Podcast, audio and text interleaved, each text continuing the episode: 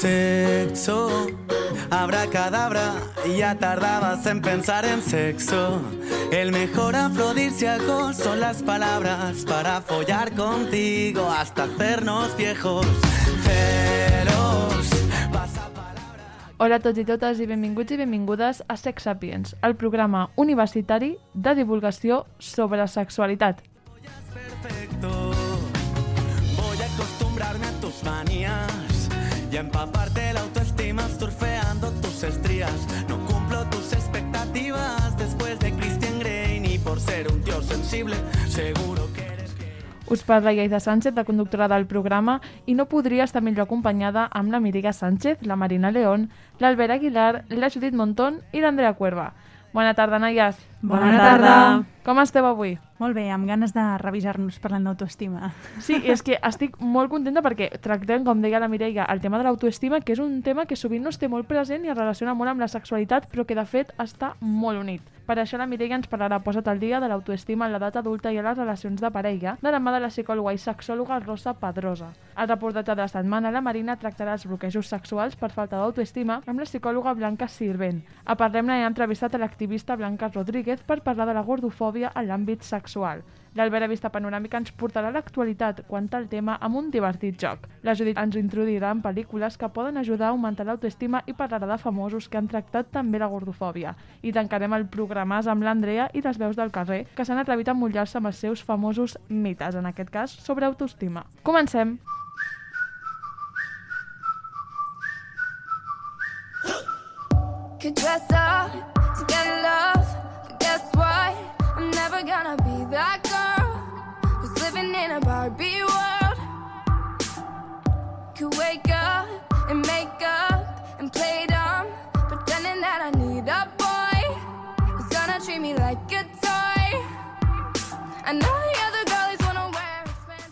L'autoestima, com és d'important i que en poc se'n parla d'ella, sobretot en l'àmbit sexual. A grans trets afecta la imatge que tenim de nosaltres mateixes i com ens sentim psicològica i físicament. No és tan senzill com sembla tenir una autoestima alta, sobretot en un món que castiga les imperfeccions i fa que, inclòs de forma inconscient, ens jungem entre nosaltres. De nou, l'autoestima és un tema que afecta més a les dones que no pas als homes. De fet, el Journal of Personality and Social Psychology va determinar l'any 2016 que els homes tenen més autoestima que les dones. Però per què? Doncs bé, és una resposta complicada on entren factors individuals i col·lectius. Pel que fa als segons, els col·lectius no crec que m'equivoqui en culpa l'educació. Ens han ensenyat a ser més guapes, més llestes, més especials, si us plau, noteu la ironia en especials, que les companyes. I és que, per dir-ho doncs finament, és esgotador. Però com es relaciona tot plegat amb la sexualitat? L'autoestima, com dèiem, afecta a l'estat anímic i físic, però també al sexual. Una baixa autoestima pot ocasionar bloquejos sexuals, per exemple, o un grau menor de satisfacció amb el sexe. Per això avui ens aproparem a l'autoestima des de l'òptica de la sexualitat amb una perspectiva, com sempre, crítica i de gènere.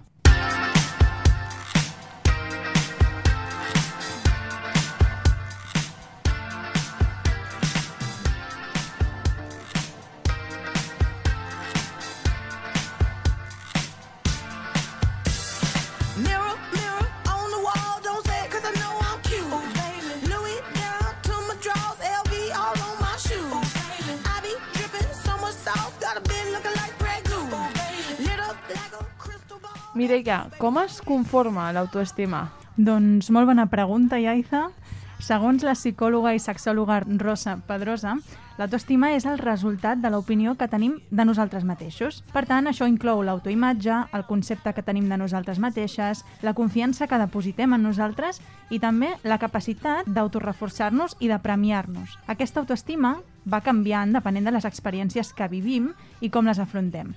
Però segons Rosa Pedrosa, per entendre l'estat de l'autoestima d'una persona adulta, cal mirar sempre enrere, és a dir, a la infància i als seus referents. Quan som petites, els missatges que ens donen aquestes persones significatives tindran una gran importància en com ens percebem, perquè realment no, som en edat temprana, som com espongetes que ho anem absorbint tot, i aquests missatges es graven molt a dintre nostre, tant que fins i tot arriben a modificar el nostre diàleg interior, és a dir, com ens parlem a nosaltres mateixes sobre com, com som, o com actuem. L'autoestima afecta, tal com ha dit la Iaiza, tots els àmbits de la nostra vida i, inevitablement, també les nostres relacions sexuals. La Rosa Pedrosa ens dona alguns exemples de com es pot expressar aquesta baixa autoestima a la nostra vida sexual. No cal que em digueu si us sentiu identificades aquí a l'estudi o les nostres oients, però simplement vull que penseu. Si jo no tinc una bona autoimatge sobre mi mateixa, doncs primer de tot no em permetré observar. Em costarà molt tocar-me, mirar-me, i això afectarà a, a com coneixeré el, el meu cos. A l'hora de compartir-ho amb algú, doncs segurament sempre necessitaré fer-ho amb, amb els llums tancats, a sota la- l'adredor, no? vigilant en quines parts se'm toca o no se'm toca, perquè, perquè no, no m'agradarà. Com també, si tinc un baix autoconcepte de mi, tindré la sensació que els altres sempre són més importants, no? Llavors el meu desig quedarà relegat a un segon pla. El desig a l'altre serà més important, les peticions a l'altre seran més importants. Segons la sexòloga, el sexe és un espai que ens permet detectar aquests símptomes dels quals acaba de parlar i que ens poden deixar entreveure que alguna cosa no va bé amb la nostra autoestima, perquè el sexe és precisament un moment en què ens trobem molt vulnerables. En el sexe és on ens despullem física i metafòricament davant de l'altre i fins i tot podem deixar entrar a l'altre a, a dintre nostre, no? Llavors, si jo no tinc aquesta seguretat en, en mi mateixa per poder-me expressar i per poder estar, segurament estaré tensa en un àmbit tan i tan vulnerable. No? I així és com pot arribar a afectar l'autoestima a a les relacions sexuals. En moltes ocasions, quan pensem en la baixa autoestima, ràpidament ho lliguem a les inseguretats que ens pot produir la nostra aparença física. Però la psicòloga creu que la autopercepció negativa de la nostra aparença física no és la única, sinó que només és una via per canalitzar la baixa autoestima. L'aparença física és una part, però no ho és tot, no? És un dels components que pot conformar aquesta autoestima, però jo puc tenir molt bona autoimatge, però que tot i així pugui passar als altres a davant, no? Els seus desitjos. Així doncs, la Rosa Pedrosa ens parla també de quins són aquests altres símptomes que expressen una baixa autoestima. Alguns senyals que podem tenir és com que dubtes de tu mateixa, no t'atreveixes a fer coses per por als resultats, el que dèiem, no? Prioritzes sempre els altres per, per sobre teu, però sobretot és a dir, d'aquestes tres coses o, o més altres símptomes que podem trobar, com no em miro molt al mirall, no m'agrada la imatge que es reflexa de mi al mirall, i el que és important és tenir en compte que amb unes conseqüències que tu no et permeten ser o sentir-te lliure i còmode amb tu mateixa. La psicòloga afirma rotundament que una bona autoestima sexual és necessària per poder gaudir d'aquesta part tan important de la nostra vida que és la sexualitat i apunta que una de les claus es troba principalment en el que hem dit al principi del programa, en una bona educació sexual. Primer de tot, començant per una bona educació sexual, començar a revisar-nos totes aquelles creences, tot allò que ens han explicat sobre el sexe, buscar, buscar professionals de qualitat que es dediquin a això i revisar tot allò que ens han ensenyat. Si això ens ho fessin des d'aquestes primeres etapes de la vida, és a dir, anomenéssim els genitals pel,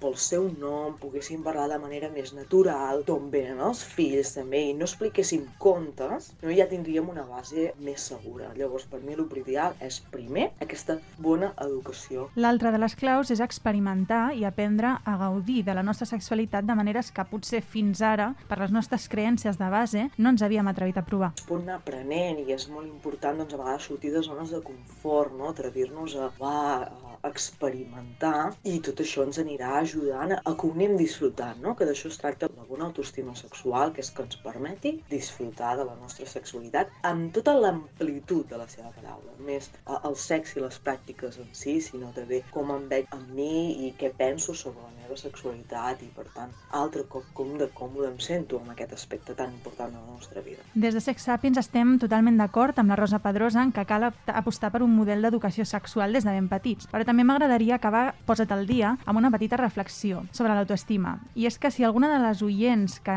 s'ha sentit identificada amb els símptomes de baixa autoestima que ha definit la psicòloga, igual que quan hem parlat de càncer d'ovaris hem recomanat que anem al ginecòleg, també recomanaria assistir a teràpia. Per tant, desestigmatitzar la teràpia, els psicòlegs, les psicòlogues i les sexòlogues sobretot perquè puguem deixar de mirar-nos a través de les ulleres amb les quals els nostres referents ens han fet creure que ens havíem de mirar al llarg de la vida, perquè totes i tots ens mereixem construir una mirada pròpia sobre nosaltres mateixes amb la qual ens sentim còmodes i ens permeti gaudir plenament de nosaltres. Should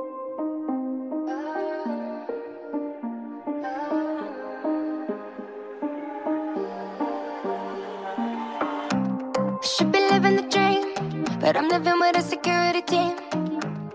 And that ain't gonna change, no. I got a paranoia on me. And you wouldn't believe everything that I see, no. Coming apart at the seams. And no Sovint el que comentàvem de la falta d'autoestima pot provocar bloquejos sexuals. Precisament d'aquest tema ens ve a parlar la Marina León, però ho faran diferit perquè avui per motius personals no ha pogut ser aquí amb nosaltres. Escoltem el que ens té de dir. L'autoestima pot ser una de les causes perquè les persones tinguin bloquejos durant el sexe. La falta d'autoestima, com bé em deia l'estudiant de psicologia Blanca Sirvent, blanca.sirvent a Instagram, comporta diferents problemàtiques que després es manifesten en un bloqueig sexual. Un exemple és l'autoexigència. te podría comentar, por ejemplo, la autoexigencia, ¿no? Creencias del tipo pues que tenemos que estar a la altura, miedo que podamos tener a ser juzgados, incluso abandonados por nuestra pareja. Esto también genera como mucha rigidez y mucha presión a la hora de hacer frente a un encuentro sexual. Y luego también, por ejemplo, la rigidez cognitiva, ¿no? Que esto es algo como muy sutil, pero que también es muy importante cuando emitimos juicios hacia afuera y alguien nos cuenta algo o vemos algo en, pues, por ejemplo, un contenido audiovisual en una serie, en una peli y emitimos un juicio, uf, qué mojigata o qué no sé cuántas, explícitamente también este juicio luego nos va a afectar también a nuestras creencias y luego se puede revertir. També em parlava de les imposicions culturals de gènere. S'estableixen uns rols de gènere que s'han de complir durant el sexe, com que l'home ha de tenir la iniciativa o gana sempre i la dona que ha ser complaent. incluso la inseguridad, la falta de autoconfianza, que esto es lo que decías, ¿no? De la insatisfacción corporal, que además también es muy común cuando hemos vivido experiencias relacionales, pues que hayan podido ser traumáticas o cuando, por ejemplo, hemos sufrido vejaciones, humillaciones que de algún modo ponían en entredicho nuestra valía, ¿no? O nuestra identidad, nuestra singularidad o directamente nuestra sexualidad. Entonces, todo esto también sumado, pues muchas veces a las dificultades para gestionar las emociones, termina convirtiéndose en un bloqueo sexual. Entenem per bloquejos sexuals una manifestació que pot ser cognitiva o emocional, però que gairebé sempre es reflecteixen als nostres actes, explica l'estudiant de psicologia. Moltes vegades, si en tenim, ens sentim confusos amb el que sentim i ens costa posar-li nom. Ho explica Sirvent. La mayoría de bloqueos sexuales vienen precedidos por experiencias o por dificultades personales como la que acabamos de comentar, ¿no? Y luego, además, también el bloqueo se suele generar cuando las exigencias del contexto superan a los recursos que tenemos o que sentimos que tenemos, ¿no? O sea, es decir, si ante esta situación yo debo actuar de esta forma, pero a la vez me siento incapaz de poder hacerlo, y es cuando se genera la indefensión, ostras, me siento en una situación en la que no puedo echar ni para adelante ni para detrás, entonces siento como que no hay ningún recurso con el que pueda defenderme, por así decirlo, con el que pueda salir como airoso de esta situación. Y eso al final refuerza las creencias iniciales. Imagínate, no soy suficientemente válido a nivel sexual o no doy la talla. Normalment, els bloquejos sexuals es manifesten com una incapacitat o una dificultat o també una falta d'harmonia entre el que volem fer i el que acabem fent. Pues generalmente genera mucha confusión y mucho aislamiento, porque además en nuestra sociedad, ¿no? que nos adoctrinan a, a validarnos a través del sexo y más ahora, ¿no? Y que está Tinder, no sé cuántas, pues 10.000 aplicaciones, que tiende a pasar es que tenemos mucha dificultad para compartirlo con gente de nuestro entorno, con gente de confianza y dejarnos acompañar, incluso también por un profesional, suele ser realmente una decisión que genera mucha vergüenza y mucha culpa. A més, en aquest casos, la comunicació és important, però és complicat fer-ho. Normalment, un bloqueig sexual és un tabú en el món del sexe. Blanca Sirvent. suele vivirse con mucha frustración e impotencia por esto que hablábamos de la indefensión, ¿no? De que al final cuando no tengo recursos para hacer frente a algo, pero es que además no lo puedo compartir porque siento y estoy casi seguro de que voy a ser juzgado, de que voy a ser señalado, que simplemente no voy a ser comprendido, porque lo que me pasa no es normal, pronuncia mucho más esa sensación, ¿no? De que lo que me pasa pues es una rareza que mejor no comparto porque voy a salir pues escaldado, ¿no? Como se dice. La comunicació, però, aunque sigui complicada, és clau amb la persona que mantenim les trobades sexuals, perquè així ens sentim més acompanyades i segures. vamos a poder ni pactar, ni comprendernos, ni leernos, ni tampoco acercarnos si no sentimos esa seguridad en el vínculo, ¿no? Y hay también una metáfora que se llama el elefante en la habitación, como un elefante, ¿no? Muy grande y muy obvio, que ambos estamos viendo, pero que ninguno de los dos compartimos porque pues es una situación que en la que ambos estamos sintiendo malestar, ¿no? Al final todo esto que genera es eso, ¿no? Que luego al final esa incomprensión pues se extrapola a otras conversaciones o vivencias. Por ejemplo, cuando estamos viendo una peli y aparece una escena erótica y siento el deseo de compartir algo contigo, pero a la vez el, el, miedo a tener que afrontar una conversación que pueda ser difícil o incómoda sí. hace que inhiba esa necesidad. Entonces simplemente vamos pronunciando y asentando ese patrón que no para de fortalecerse y cada vez es más difícil romper ese melón. Vaig preguntar-li a Sirvem com hauríem d'actuar si som la parella sexual d'una persona que pateix aquest tipus de bloquejos. Una de les claus que em comentava és despatologitzar, intentant no tractar l'altra persona com si tingués un problema o pateix alguna cosa estranya. ¿Y cómo podem fer? Doncs l'humor es molt important. Desde comentarios y posturas cercanas, cariñosas, también a través del juego y sobre todo ayudar a la otra persona a que no asocie el sexo a algo incòmodo, a algo forzado, a algo difícil. Algunes de les solucions per a les persones que es troben en aquest punt de no saber què els hi passa, però se senten incapaces o els hi costa mantenir relacions sexuals per motius d'autoestima o inseguretat, és, com deia la Blanca Sirvent, no convertir-se en esclaus sexuals. Si ho necessitem, demana ajuda professional sense tenir cap mena de vergonya per així no acabar renunciant a gaudir del sexe sense malestar és una altra de les claus. Us dejo un mensaje seu. Yo creo que, que, sobre todo eso, ¿no? que perdamos el miedo a enfrentarnos a aquellas situaciones que nos hacen sufrir y que dejemos de normalizar el sufrimiento. Sufrir, aunque forma parte de determinadas vivencias, no debería de asentarse como algo con lo que necesariamente y obligatoriamente tenemos que convivir diariamente. Because you know I'm all about that bass, about that bass, no trouble. I'm all about that bass, about that bass, no trouble. I'm all about that bass, about that bass, no trouble. I'm all about that bass, about that bass, bass, bass, bass. Yeah, it's pretty clear. I ain't no size two, but I can shake it, shake it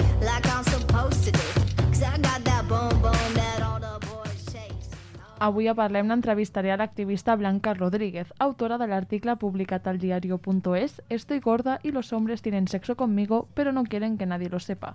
Hem xerrat sobre com la gordofòbia afecta l'autoestima de, especialment, les dones i l'àmbit sexual. Escoltem l'entrevista. Personalmente conocí tu historia a través del artículo llamado Estoy gorda y los hombres tienen sexo conmigo, pero no quieren que nadie lo sepa, que se publicó en el diario.es. Entonces me gustaría también para situar a las personas que nos pueden estar escuchando tu experiencia. Casi queda resumida en el título de la alumna. Yo me separé después de 18 años de relación. Pensaba, es en plan, bueno, cariño, se te acabó la vida sexual aquí, no hay más. Pero aún así, pues hice un Tinder y descubrí que me era súper fácil tener sexo, pero facilísimo. Realmente me sorprendió. Y ya te digo, no fue en plan, bueno, pues con cualquiera que quiera conmigo yo quiero, no. O sea, me acosté con las personas con las que yo me quería acostar y ellos conmigo también, claro, obviamente. Aunque yo no buscaba una relación seria, ni mucho menos después de tantos años con la misma persona, sí que me di cuenta de que aunque los chicos estaban pues a gusto conmigo y el sexo pues a veces iba bien, otras no, pero las veces cuando iba bien es como que muy rara vez repetían. Y nunca ninguno hizo, oye, nos tomamos un café, oye, vamos al cine, que no es que yo lo buscara, pero dices, chica, ninguno me lo ha preguntado, ¿no? Y entonces empecé a preguntar a algunos, ¿por qué no quieres volver a quedar? ¿Fue mal el sexo? No, no, no. Y muchos ponían excusas, otros se ponían muy nerviosos.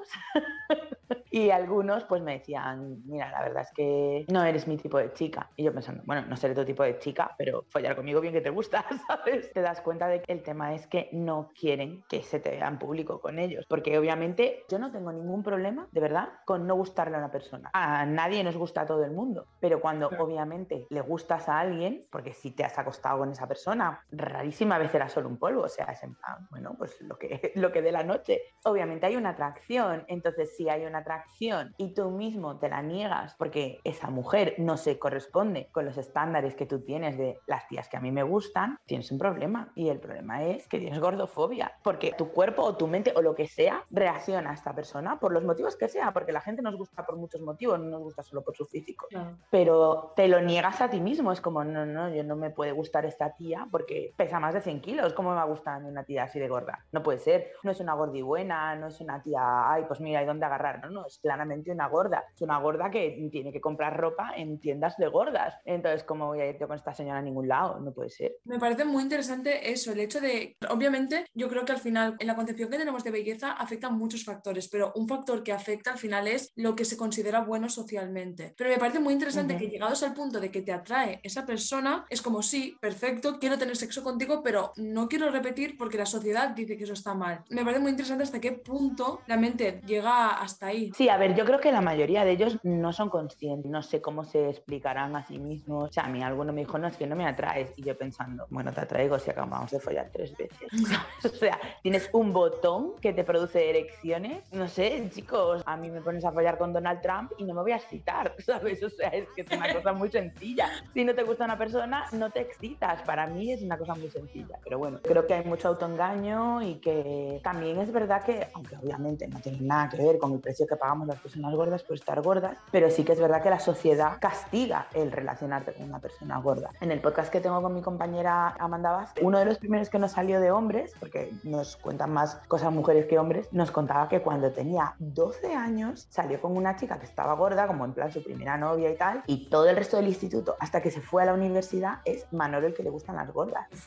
A mí ahora me gustaría preguntarte también qué te empujó a compartir tu experiencia de una forma tan directa y sin pelos en la lengua, que al final yo invito a que lean el artículo porque es como muy real. Yo soy una persona que no tiene muchos pelos en la lengua en general, o sí, cada vez menos. Y esto surgió de casualidad. Típica noche que estás en casa que te aburres, tuiteo mucho y entonces puse un tweet. ¿Sabes el típico de un fab? Un, no sé Sí, qué, ¿no? Pues este era un fab, una cosa sobre estar gorda que probablemente ni siquiera te habías planteado. Y ese hilo se volvió loquísimo. Miles de testimonios, cientos de DMs de personas contándome historias que luego yo ponía en el hilo como anónimas. Y entonces eso pues saltó a la prensa. Y yo creo que fue porque, aunque parezca mentira, a la gente le cuesta mogollón hablar de, eso, de la experiencia de, de ser una persona gorda, porque la gente se avergüenza muchísimo. Como yo lo hablaba con naturalidad, mucha gente se vio reflejada. Es simplemente es que es mi forma de ser. O sea, si voy a hablar del tema, voy a hablar del tema. No voy a andar con paños calientes ni nada así. En la entrevista también has afirmado y en tu escrito pues también está que vivimos en una sociedad gordofóbica. ¿Crees que esta se Total. aplica con más vehemencia generalmente a las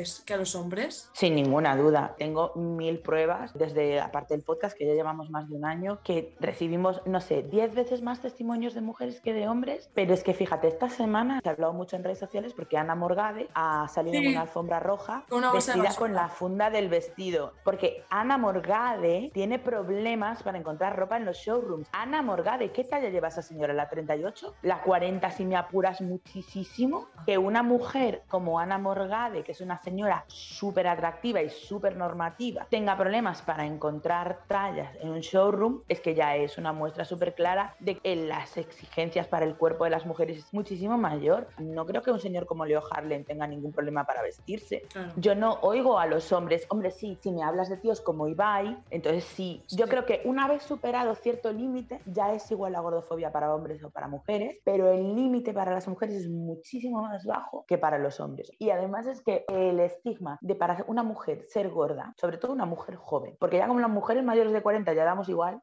ya puedes estar gorda, flaca, lo que sea, porque ya eres invisible. El, el terror a incluso llegar a ser gorda hace que las mujeres delgadas también sufran continuamente. Es, ese no, tengo que estar a dieta, ese no me puedo comprar esto, o esta falda me hace gorda. No te hace gorda porque no estás gorda, cariño. ¿Y cómo crees que puede afectar esa gordofobia a la autoestima de las mujeres? Pues la destruye, absolutamente, absolutamente, porque además es que nos la machacan desde la infancia. Otra de las cosas que estamos viendo muchísimo desde que montamos el podcast es que muchas personas de cuerpos grandes, y cuando digo grandes no me refiero a gordos, quiero decir personas altas o de hombros anchos o de constitución fuerte, sobre todo mujeres que desde la infancia las machacaron con no comas, no comas, no comas, estás gorda, estás gorda, estás gorda, y luego esas personas que no lo estaban, porque ahora ven las fotos de su infancia, han desarrollado un montón de trastornos de alimenticios, comer por obsesión, bueno, una relación totalmente insana con la comida. Y claro, obviamente todo esto te genera un autoodio, una falta de autoestima, inseguridad en general, no solo con tu físico, sino a la hora, pues yo qué sé, de ir a pedir un trabajo. Hicimos un especial sobre relaciones.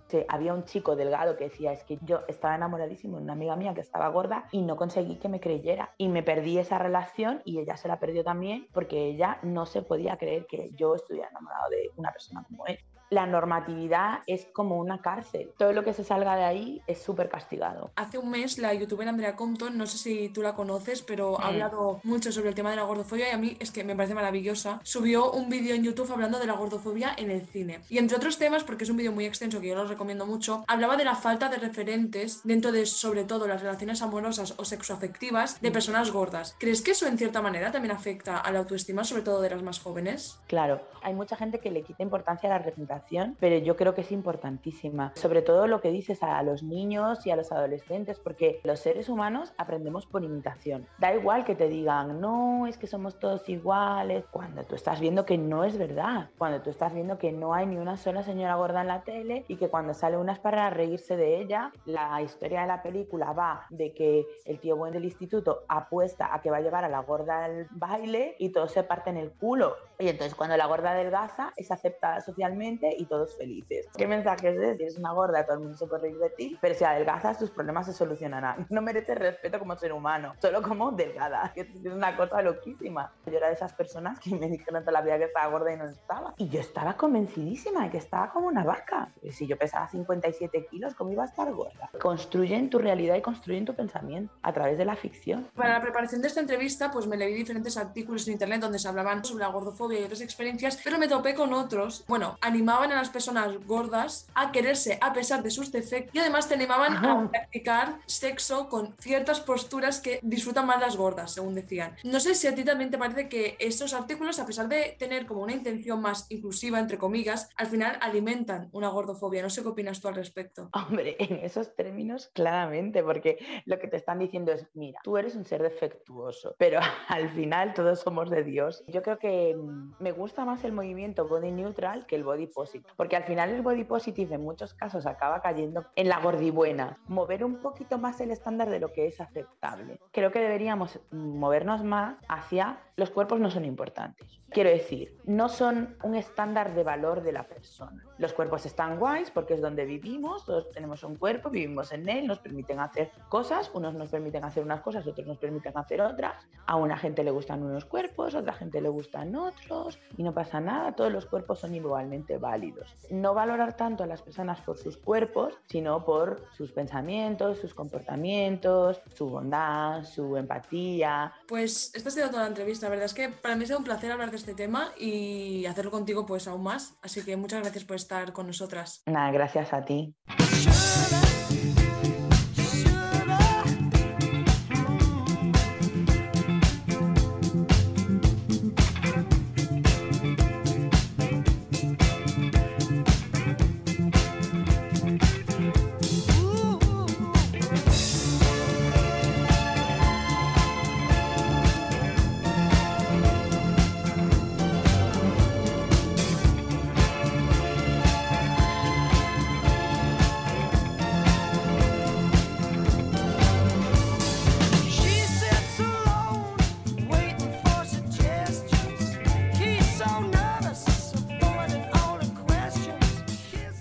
Després de repassar els diferents aspectes de l'autoestima en l'àmbit sexual, avui al Vista Panoràmica l'Albert ens porta notícies sobre aquest tema.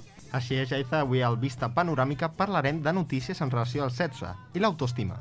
La dinàmica serà la següent. Jo us llegiré titulars de notícies i comentem si creieu que són cert o fals. Després repassarem alguna de les preguntes de test d'autoestima sexual que he trobat per internet. Molt randoms, he de dir ja. Molt random. Recordo que la secció no tracta de posicionar-vos a favor o en contra del titular, sinó de dir si és cert o fals. D'acord, Vale. noies? M'has tret una mica la meva secció, eh, Albert? Uh, S'assembla una mica, la veritat. Te la cedeixo, va, vinga, va. Aquí no volíem assenyalar, però s'havia de dir. Sí, sí, sí. Típico compañero que se copia. eh, examen. No passa res, no passa res. Començarem amb aquest titular. L'alçada afecta a l'autoestima de dos de cada tres espanyols i espanyoles que se senten baixets i baixetes. Cert. Pot ser, sí. Totes dieu cert, en aquest cas? Sí, jo diria que és un complex, no? Bastant estès. Doncs sí, és veritat. El 63% dels espanyols i espanyoles els agradaria mesurar 5 centímetres més, segons demostra un estudi de Cosen Shoes. L'alçada afecta a l'autoestima provocant complexos i inseguretat. Com a persona que fa 1,54 m, corroboro. Sí, és que jo faig metre 59, també corroboro. Però és que he flipat amb lo que, això que has dit dels 5 centímetres, perquè us ho juro que jo de petita, quan pensava que ja no anava a créixer més, que després acabes creixent més, però bueno, jo... Bueno, a mi me Bueno, dijeron sí. eso, así me Depèn. que aquí discrepen una Depèn, mica amb depèn. això, eh? Val, jo media com bueno, una mesura a primer d'ESO, per exemple, i jo, o sigui, és que literalment rasava per 5 centímetres més. Jo, de, de veritat, demanava 5 centímetres més. No van caure, no van caure, eh? Bueno. No passa res. No passa res, s'aprèn a viure, s'aprèn a viure amb allò. Passem amb el segon titular. Atenció amb aquest. No sempre penses en la teva parella quan et fiques al llit amb ella. Uh. Creieu que aquest titular és cert? Ho han ficat un diari o és fals? Fals. Jo que... Ah, vale, si ho ha posat en un dia... Ah. És un dia... És que jo crec que l'afirmació és certa. Sí, jo crec que també. Uh, no, no, no, no. Però no és jo això, us clar, he clar. preguntat si creieu que hi ha un mitjà... És que ja et he. No, Si jo hi ha crec que... un mitjà d'Espanya que ha ficat aquest titular. No Cert. sempre penses Jo en la diré teva que parella sí. quan et fiques al llit amb ella. Jo diré que sí. Doncs sí.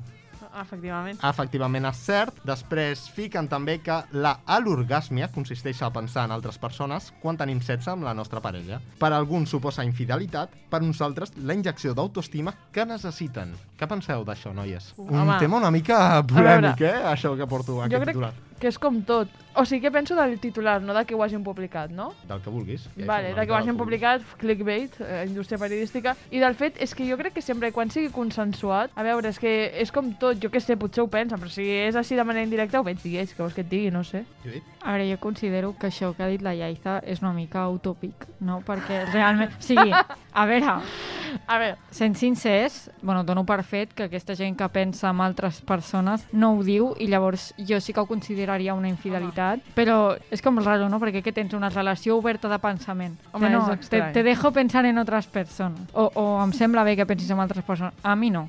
Sí, com a persona monògama i... i... difícil. No, no, sé no, si la no ho veig, no ho veig. cosa.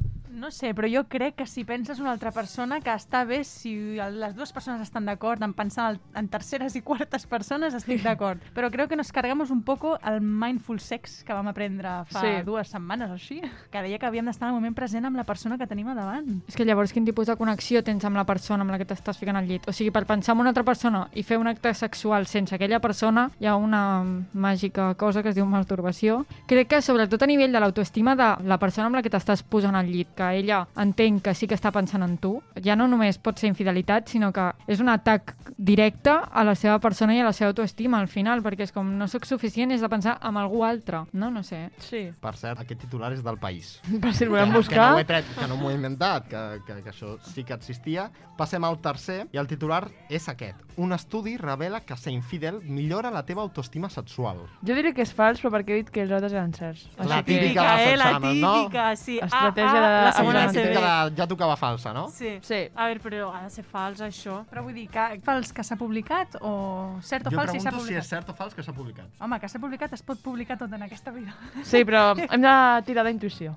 Jo crec que sí que és cert, que s'ha publicat.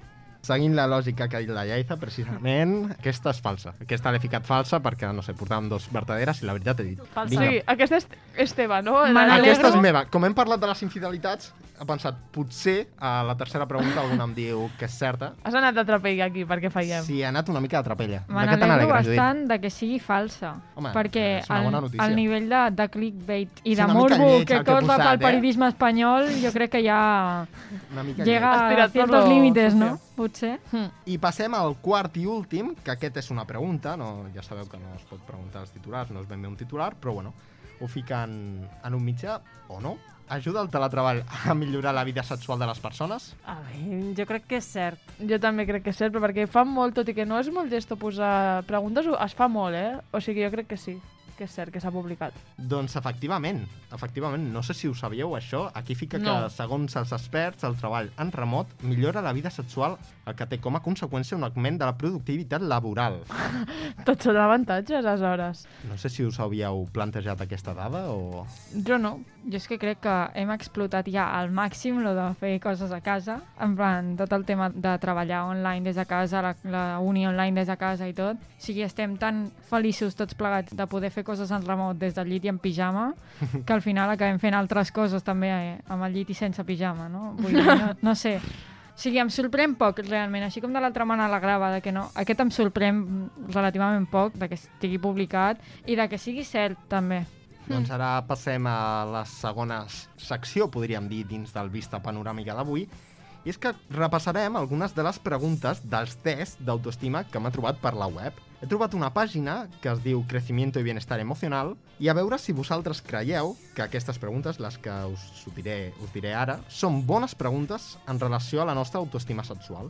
La primera és, et genera molta tensió l'opinió de la teva parella? Creieu que aquesta és una bona pregunta per plantejar-te si tens una bona autoestima sexual? A veure que l'Andrea crec Totalment, que diu que sí, sí, sí. la Judit crec que fa cara de que no. Sí, perquè en el em dieu? moment, jo penso, que en el moment en el que tu et penses, o sigui, et comences a replantejar que t'importa més o que t'afecta més allò que pensi la teva parella que no pas això que pensis tu de tu mateixa, és difícil, o sigui, és difícil basar el teu autoconcepte en el que pensen els altres al final. Jo crec que també que, que és una bona pregunta que s'ha de fer per temes d'autoestima, perquè crec que després dels pares, com a referents, la persona més important a nivell emocio emocional que ve després dels pares crec que és la parella. Per tant, crec que sí que és molt important la manera com ens veuen. Jo vaig explicar la meva cara de fàstic i és de la paraula tensió. Tensió. Sí, perquè jo, òbviament, trobo important això que deien l'Andrea i la Mireia sobre el fet de plantejar-se si realment és tan important per tu l'opinió de la teva parella, però la paraula tensió no sé si jo la faria servir perquè ja estàs com limitant molt la resposta, no? Perquè a mi em pot generar interès o no sé, moltes coses que no són tensió. La tensió potser està més lligat a una relació potser més tòxica. El que pensa la Judit No és una sé, mica eh? el que anava a dir jo sobre aquesta pregunta. Jo també penso una mica com ella. Jo crec que sempre hem defensat la comunicació no? dins d'una parella, l'interès, com diu ella, però quan he ficat aquí, bueno, ho ficava al test que, que he trobat, la paraula tensió, jo he pensat, compte, perquè no sé si generar tensió, tinguis tensió per l'opinió de la teva parella, no sé si això podria ser fins i tot una mica tòxic, com ha dit ella.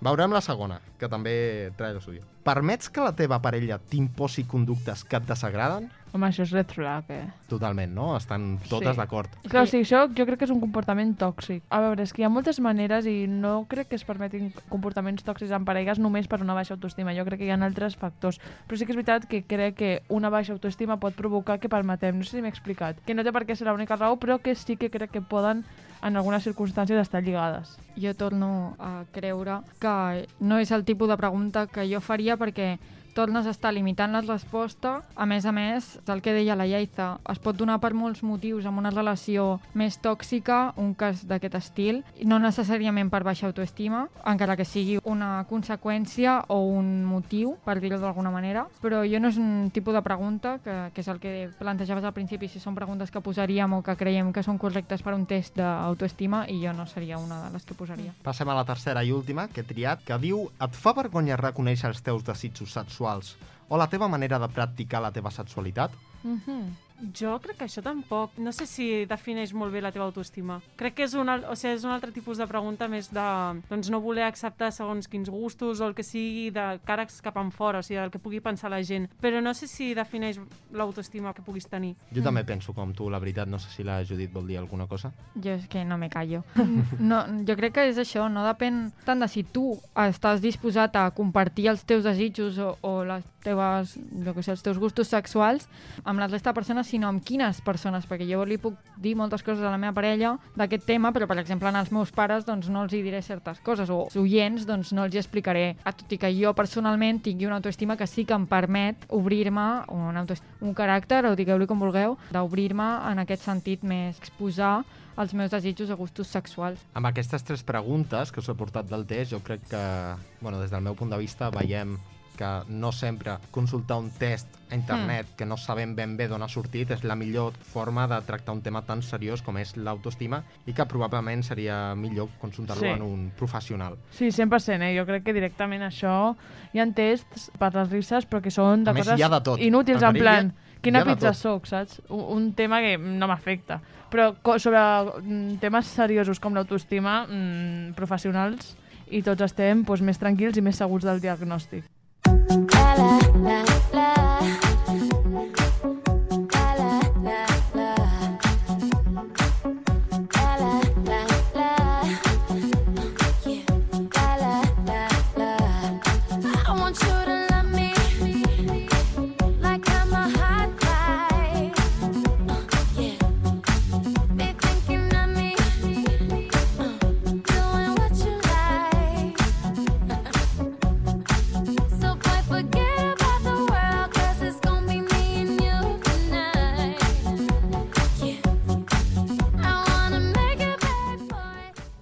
aquesta cançó de Rihanna que ens fa sentir doncs, tan dives a totes les de l'estudi, passem a la secció de cultura amb la Judit, que ens portarà una mica pel·lícules així de comfort place per augmentar la nostra autoestima, no, Judit? Doncs sí, i és que durant el programa s'ha parlat molt d'autoestima en relació al físic i en aquesta línia us porto un tros del discurs de Bryce F. contra la gordofòbia als Premis Feroz 2019. 105 han dicho no, tampoco. Yo peso 115 kilos. Ya os extraña, ¿verdad? Os extraña. ¿Sabéis por qué os extraña? Porque soy muy guapo. Y es imposible que una persona guapa sea gorda, ¿no? Esto, esto que, que está pasando ahora se llama gordofobia. La gordofobia hace que inevitablemente unamos las características malas a la gordura. Eh, o sea, que eso de que ves a un gordo y te da repelús es como, como si estuvieras viendo un plato de brócoli. D'aquest tema ja n'ha parlat la Yaiza a l'entrevista i jo volia destacar també el compte Instagram de Mara Jiménez, coneguda com Croquetamente. Ah, També la la- amamos en este programa, m'encanta. La coneixereu pels vídeos de gordos Sí. haciendo cosas, dígame. Sí, són molt divertits. Jo, crec, jo sé que a la Mireia li agraden bastant, he de dir. Soc, soc molt fan, soc És molt que- fan. O sea, gente gorda haciendo cosas, Dígame. dígame, saps? De, de nada, cariño, venga, és que és molt graciosa. Ella mateixa es defineix com a supervivent del TCA, gorda sin tapujos i intolerante a la gordofòbia, amb tots aquests vídeos no, de divulgació, així més amb crítica humorística, i a més ara acaba de publicar fa poc que farà una obra de teatre efímera que durarà aproximadament uns 20 dies que es dirà Gordes amb Teresa López. Tot i això, l'autoestima no només es basa en el físic, i per això us recomano algunes pel·lícules que poden contribuir a fer un canvi de xip cap a l'amor propi, l'autovaloració i l'augment d'autoestima, que sovint es parla d'autoestima relacionant-la amb una cosa més baixa, però realment l'autoestima no és ni baixa ni alta, a no sé que tu li posis un grau. Una de la primera de les pel·lícules que us porto és En busca de la felicitat. Will Smith interpreta un pare que ha de- que ha d'afrontar la ruïna econòmica i l'abandonament per part de la seva dona per cuidar el seu fill. Aquí es mostra la importància de no donar-se mai per vençut. De fet, crec que està basada en un fet real, aquesta història. És sí. molt maca i molt emocionant.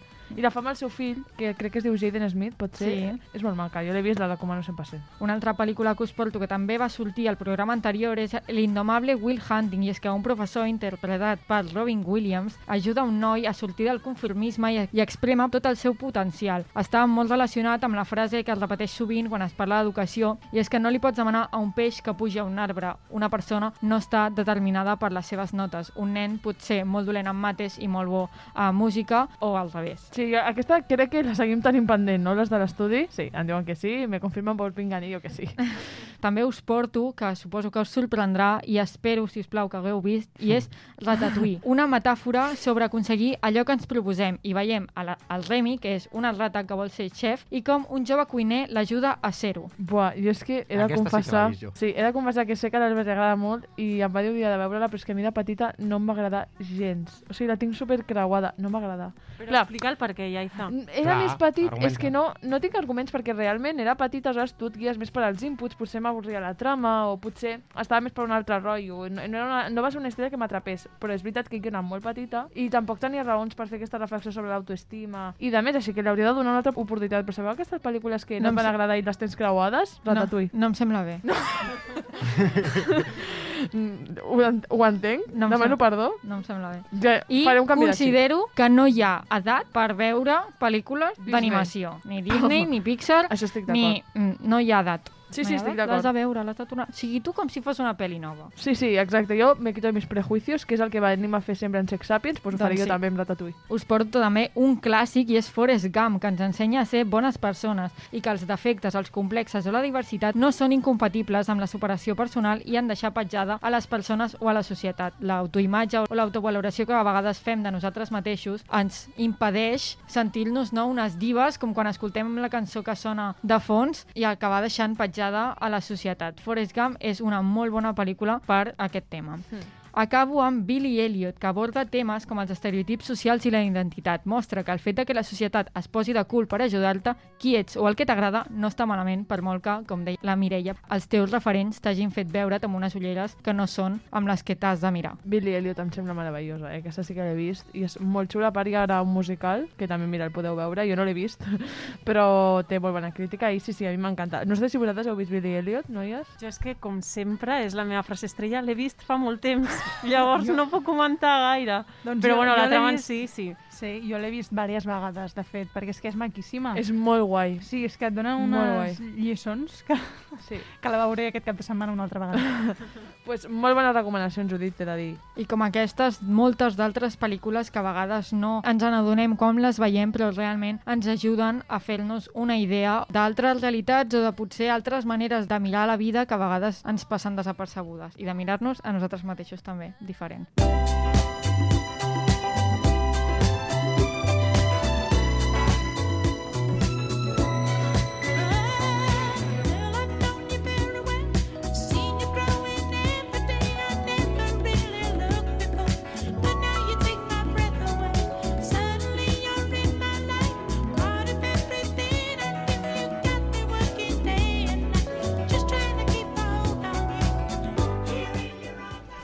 Doncs amb aquesta cançó que a mi personalment em dona tan bon rotllo, acabem el programa i ho fem amb les veus del carrer amb l'Andrea Cuerva. Quins Exacte. mites ens portes avui? Avui torno amb els mites que la setmana passada vam fer així Mm. una petita parada. No, tornem als, als mites de tota la vida i comencem amb el primer de la setmana que diu el següent. Aquest ens l'ha introduït una mica la Mireia, he de dir, perquè ja ens ha introduït el, el concepte d'autoestima sexual, que ja hem conegut en aquest programa d'avui, però el mite diu que podem mesurar la nostra pròpia autoestima sexual. Què en pensen les veus del carrer? Hòstia, jo, jo dic fals. Jo dic que fals també. Sí, fals. Fals? Fals. Fals. Fals. Què en penseu, noies? És que a mi em donen les vibes del test, saps, que hem fet abans, en plan, automesura, home, tu al final pots ser conscient de com t'estàs sentint i pots tenir com alertes, però potser hi ha cert punt que, al qual no arribem, així que diria fals, però òbviament la persona pot saber molt com es senteix, no ho sé. Jo no diria tant com que es pot mesurar no? amb una xifra o, com ha dit la Judit, dir si tens una bona autoestima o una autoestima dolenta, sinó que l'autoestima ha de ser sana i, evidentment, existeix l'autoestima sexual, que ja ho hem avançat una mica, i per tant entenc que sí, que podem saber si és sana o no. Val, doncs, és cert. Primer de tot hem de saber doncs, que tenim molts tipus d'autoestima. Tenim l'autoestima laboral, l'acadèmica, la personal, però avui ens centrarem més en aquesta autoestima sexual que ens ha introduït la Mireia, que ens ajuda a sentir-nos desitjats i desitjades i també ens ajuda a poder gaudir i posar límits en les nostres relacions sexuals. Segons la plataforma Plátano Melón, existeixen un seguit de senyals que poden alertar que la nostra autoestima sexual és baixa. Rebutjar el nostre propi cos o els genitals, per exemple, pot provocar que no estiguem còmodes i no puguem gaudir plenament de la nostra sexualitat. Però, segons uns investigadors espanyols i colombians que es van unir per treballar sobre aquest tema, van acabar concloent que podem avaluar quin és el nivell de la nostra autoestima sexual. Hi ha tot un seguit de preguntes que ara enumeraré i que es poden avaluar des de l'1 en cas d'estar en total desacord fins al 5 en cas d'estar totalment d'acord. Les preguntes n'hi ha unes quantes, però són de l'estil de doncs, soc bona parella sexual, considero que les meves habilitats sexuals són bones, em sento còmode amb la meva sexualitat, em deprimeixen els aspectes sexuals de la meva vida, penso en el sexe tot el temps. Llavors, des d'aquí vull advertir a aquests investigadors que les preguntes són una mica eh, com les tres respostes del tipus test. O sigui, sí. hi ha com 15 preguntes, però són totes molt semblants. Però, bueno, sense entrar en aquest debat, per saber si la nostra autoestima sexual és correcta o no, ens haurem de fixar si hem contestat amb una bona puntuació les preguntes formulades de forma positiva, com per exemple, soc bona parella o estic feliç amb la meva vida sexual, i aquelles que tinguin una connotació més negativa hauran d'estar puntuades amb menor puntuació, com per exemple, penso en sexe constantment o m'entristeix la meva vida sexual. Clar. I se suposa que sumes tots els punts i segons la puntuació que et doni, doncs sabràs si tens una autoestima sexual alta, baixa... Hmm. Suposo que serveix molt per saber tu com treure't un autodiagnòstic i després, si veus alguna cosa així que no acaba de quadrar, consultar algun expert, no? Dic Exacte. Però com hem dit abans, o sigui, això dels autodiagnòstics no funciona, Ja, amics. és una mica estrany. Ai, sí, buscar a Google no és la solució i sembla que tinguis una certa mm, dificultat per mm, tu mateix amb el teu propi cos, és millor assistir a un professional que t'ho digui. El següent mite d'avui diu que els homes casats tenen una major autoestima que els homes solters. Què en pensen les veus del carrer? Cert, jo crec, sí, sí, sí, jo crec que cert. Cert. Cert. Cert. Cert. Cert. Unànime, eh, Unànime. l'opinió. Bueno, doncs va, pues en popular opinion, fals, perquè ha de ser cert. No sé. Pues jo diré cert. A mi m'ha convençut.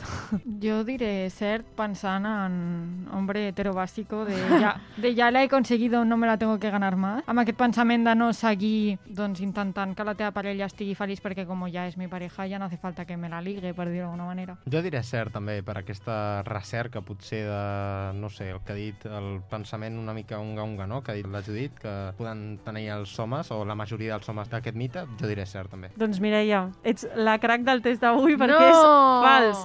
Segons un estudi que va realitzar la Universitat Hebrea de Jerusalem i que posteriorment va publicar el mitjà estatal del país. Els homes solters expressen una millor autoestima en comparació dels homes casats. A l'estudi es va fer una enquesta a més de 3.000 persones, tant homes com dones. En el cas de les dones el resultat era totalment oposat. O sigui, l'estudi estava bastant centrat en voler fer veure que la vida de solter és molt millor que la de casat. Llavors, I Nois i noies eren més unga-unga del que pensava. Sí, Exacte. Ja la visió directament de l'estudi era bastant Unga-unga. L'estudi no, aprofund no aprofundeix gaire en l'explicació del per què, però cal remarcar que la investigació definia bastant la solteria com el millor mètode de vida al final. Anys més, tard, anys més tard, experts espanyols adopten una nova perspectiva i a través d'un altre estudi van assegurar que hi ha dos conceptes que influeixen molt en aquesta autoestima, més centrada en l'àmbit sexual. Així doncs, existeix una una depressió sexual, una tendència a sentir-se trist i desanimat en aquest àmbit de la vida, i també existeix una preocupació sexual, una tendència a estar obsessionat en el sexe. Així doncs, aquests serien dos aspectes a tenir en compte per avaluar quina és la nostra autoestima i no tan centrat en si estem casats o no. I ja per últim, us porto una pregunta.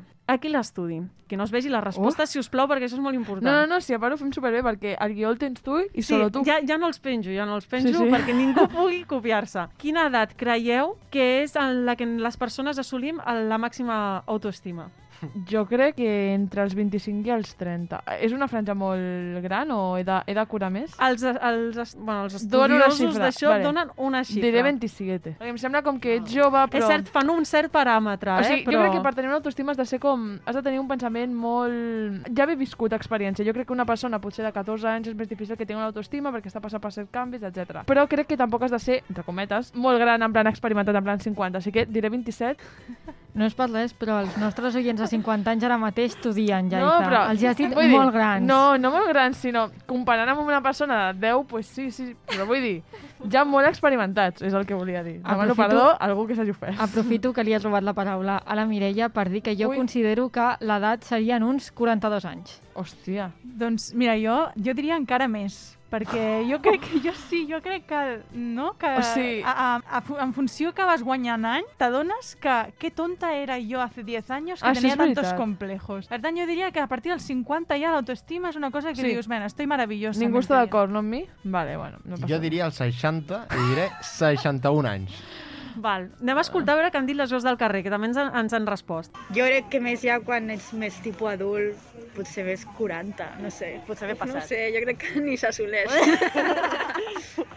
sí, jo crec que 40-50, quan ja estàs més madur.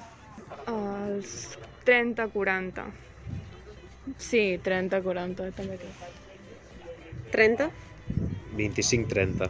Toma, Tenim- l'últim està d'acord amb sí, mi. tenim una veu del carrer que Però està té- d'acord amb té la bona Ieta. pinta, eh? Perquè gairebé mai ningú coincideix amb mi. A Digue'm. veure, un estudi realitzat per uns experts de la Universitat de Berna, a Alemanya, ha descobert que l'edat on assolim el punt més àlgid de la nostra autoestima és, atenció, als 60 anys. I es manté durant tota la dècada. Noies, per un any, eh? L'Albert acaba d'assolir el pic màxim de certs eh, en aquesta secció. Demano perdó a les persones a les quals he pogut ofendre. He de dir, jo també m'he portat una sorpresa amb aquest resultat. Jo no m'ho imaginava. Home, I també, que trist, no, tio, que haguem d'esperar fins als 60 per... no. pensava que anaves a dir que trist la teva resposta i la teva poca fe. No, home, no, però que trist que haguem d'esperar tan tard, home, Sí. per estimar-nos. Així que no, no, oients, escolteu-nos, eh, anem a teràpia, si plau, tractem-nos abans, revisem-nos i estimem-nos abans. Clar, i a veure si podem baixar. I doncs, així guanyarà la Yaiza. Clar, tot és que tot avantatges.